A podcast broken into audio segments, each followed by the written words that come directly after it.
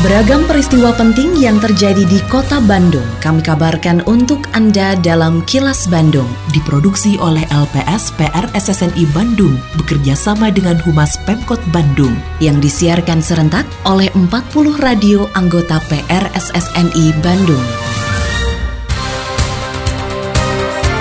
Sejumlah informasi aktual kami hadirkan untuk Anda dan inilah informasi utamanya tahun 2025 PNS di Kota Bandung berkurang 50 persen. Perlu upaya keras dalam tekan korupsi. Potensi bunuh diri orang dewasa muda lebih tinggi dibanding yang lain. Saya Santika Sari Sumantri, inilah kilas Bandung selengkapnya. Jumlah pegawai negeri sipil PNS di lingkungan pemerintah kota Bandung setiap tahunnya berkurang karena pensiun. Bahkan di tahun 2025 nanti, jumlahnya akan berkurang sekitar 7.000 orang. Dari jumlah PNS saat ini, sebanyak 15.460 orang. Sekretaris Badan Kepegawaian Pendidikan dan Pelatihan BKPP Kota Bandung, Cep Dahyat mengatakan, puncak jumlah PNS yang pensiun terjadi di tahun 2022. Untuk mengatasi kondisi tersebut, penambahan PNS tiap tahun jumlahnya akan sama dengan jumlah yang pensiun. Namun menurutnya, pada praktek di lapangan, jumlah PNS masih saja kurang, sehingga akan dipenuhi dengan cara merekrut pegawai pemerintah dengan perjanjian kerja atau P3K yang mempunyai hak dan kewajiban yang sama dengan PNS pensiun itu akan naik sampai 2022 sesuai dengan usia pensiun. Puncaknya itu nanti di tahun 2022 ada hampir 1.200 orang pensiun. Jadi tren ini akan naik 2019, 2020, 2021, 2022 itu akan naik terus. Nah, baru 2022, 2023 dia turun karena sesuai dengan usia PNS sekarang kan ya. 2023 dia turun menjadi 1163. 2024 menjadi 885. 2000 25 itu turun menjadi 852. Terkait berita sebelumnya, Anggota DPRD Kota Bandung, Aan Andi Purnama, mengatakan selama ini komposisi dan beban kerja SDM Pemkot Bandung memang belum merata. Hal tersebut disampaikan Aan menanggapi jumlah PNS di Kota Bandung yang bakal berkurang 50 persen di tahun 2025 mendatang. Menurutnya ada SKPD yang beban kerjanya besar tapi di sisi lain ada OPD yang bebannya tidak terlalu berat. Untuk itu Andi menyarankan agar Pemkot Bandung membuat kajian sistem beban kerja sehingga penempatan PNS bisa seimbang dengan beban kerja ingin tahu yang namanya kekurangan SDM itu kan kita harus tahu dari mana gitu ya. Kan sekarang ini kan banyak anu kerja-kerja, anu tidak-tidak. Nah seperti halnya kan gini, pemerataan yang masih nenek belum kota Bandung ini. Coba lihat di kelurahan, beban kerjanya itu besar sekali. Nah tapi di satu sisi ada beberapa SKPD atau OPD yang memang bebannya tidak terlalu berat. Nah artinya bahwa ini ada ketidakseimbangan terkait masalah beban kerja. Perilaku korupsi sangat sulit dihilangkan karena salah satunya berkaitan erat dengan kekuasaan. Kondisi ini diperparah dengan sifat manusia yang cenderung rakus. Penilaian tersebut disampaikan pakar politik dan pemerintahan Universitas Pajajaran Muradi dalam sebuah diskusi di Universitas Sanggabuana Bandung pada Senin kemarin. Menurutnya, korupsi cenderung dilakukan oleh orang yang memiliki kekuasaan. Oleh karenanya perlu upaya keras dan serius untuk menghilangkan korupsi, terutama dengan memperbaiki sistem dalam pemerintahan maupun penjaringan politik. Selain itu perlu keberanian dari pihak terkait seperti pemegang kebijakan dan aparat penegak hukum untuk memberikan efek jera sehingga bisa meminimalkan perilaku koruptif bicara soal sistem ya, bicara juga soal kultur, bicara juga soal kemudian niat baik. Ya tiga hal itu menjadi bagian yang agak rumit untuk kita kelola dalam bentuk yang sifatnya mereduksi. Sekarang sistemnya sudah baik tapi kulturnya belum baik juga agak repot. Sistemnya sudah baik, kulturnya nggak ada, kesempatan ada juga menjadi bagian yang agak rumit juga. Jadi saya kira ini sama-sama lah. Yang paling penting sistemnya sudah ada, ada preemptifnya di situ, begitu ada ada represifnya di situ dan yang kemudian kalau kemudian masih begitu juga ya saya kira memang ada tindakan yang sifatnya represif di mana kemudian negara bisa melakukan upaya paksa untuk menghukum dan sebagainya.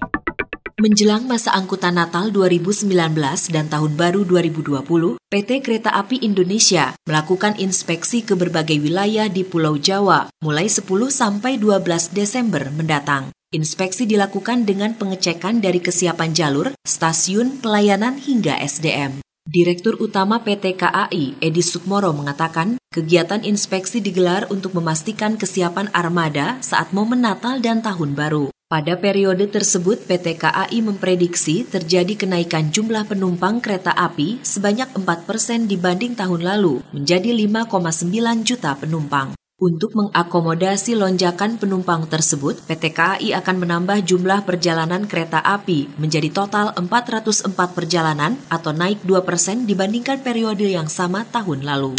Pak duduk ya TD yang disediakan ini dibanding tahun lalu itu meningkat 4 persen. Jadi kalau tahun lalu kira-kira 5,6 juta yang kemungkinan diangkut, ini 5,9 juta. Jadi cukuplah mungkin nanti perlahan-lahan kita tingkatkan kemampuan untuk angkutnya. Sampai hari ini untuk kurun waktu operasi Natal Tahun Baru, setiap hari ini ada laporan kepada saya, tiket yang sudah terjual 42 persen. Tapi setiap hari ini akan bertambah terus, ya ini udah 42 persen terjual. Orang dengan usia dewasa muda cenderung memiliki potensi bunuh diri yang lebih tinggi dibanding kalangan lainnya. Menurut Ketua Perhimpunan Psikiatri Indonesia, Teddy Hidayat, bunuh diri terjadi karena yang bersangkutan telah mengalami depresi yang disebabkan berbagai faktor pemicu seperti persoalan keluarga, akademis, pertemanan, sosial, dan ekonomi. Berdasarkan data dalam setiap tahun terdapat 10.000 kasus bunuh diri di Indonesia. Oleh karena itu perlu sosialisasi kepada generasi muda dengan harapan mampu mencegah mereka dari upaya bunuh diri. Menurut Teddy, hal ini penting dilakukan karena mereka akan menjadi tulang punggung negara di masa depan. Tidak semua bunuh diri disebabkan gangguan jiwa, tetapi 80% bunuh diri itu berhubungan dengan berbagai gangguan jiwa, terutama depresi. Penyebab depresi itu hampir semua aspek kehidupan bisa, mulai dari ekonomi, pekerjaan, keluarga, tapi yang menurut saya yang paling penting adalah keluarga problem di keluarga itu sering kali menjadi pencetus untuk terjadinya bunuh diri. Usia bunuh diri bisa terjadi mulai remaja sampai usia tua. Tetapi pada usia dewasa muda itu yang paling banyak sebenarnya. Meskipun di usia-usia lanjut juga sering. Kini, audio podcast siaran Kilas Bandung dan berbagai informasi menarik lainnya bisa Anda akses di laman kilasbandungnews.com.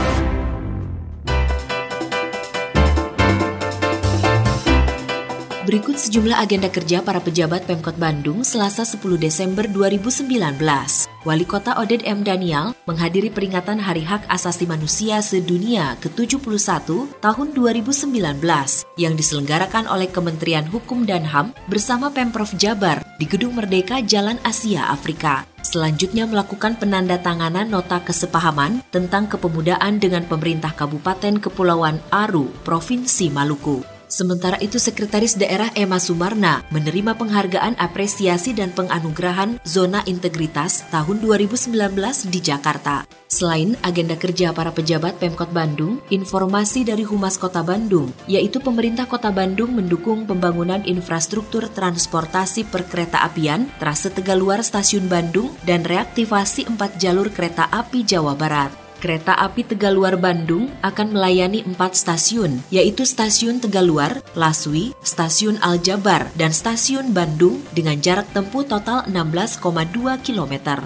Kereta api Tegaluar Bandung mempunyai empat rangkaian dengan kapasitas angkut per hari bisa mencapai 16.000 penumpang dari dua arah. Wali Kota Bandung Oded M. Daniel menyampaikan, Pemkot Bandung mendukung segala upaya yang memberikan kenyamanan transportasi bagi masyarakat. Sementara itu, Gubernur Jawa Barat Ridwan Kamil menyampaikan, tujuan pembangunan tersebut adalah menjadi inovasi angkutan barang cepat, juga sebagai alat untuk menumbuhkan pusat perkotaan baru.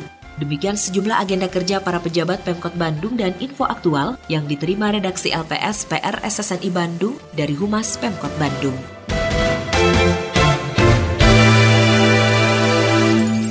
Terima kasih Anda telah menyimak Kilas Bandung bekerja sama dengan Humas Pemerintah Kota Bandung yang diproduksi oleh LPSPR SSNI Bandung.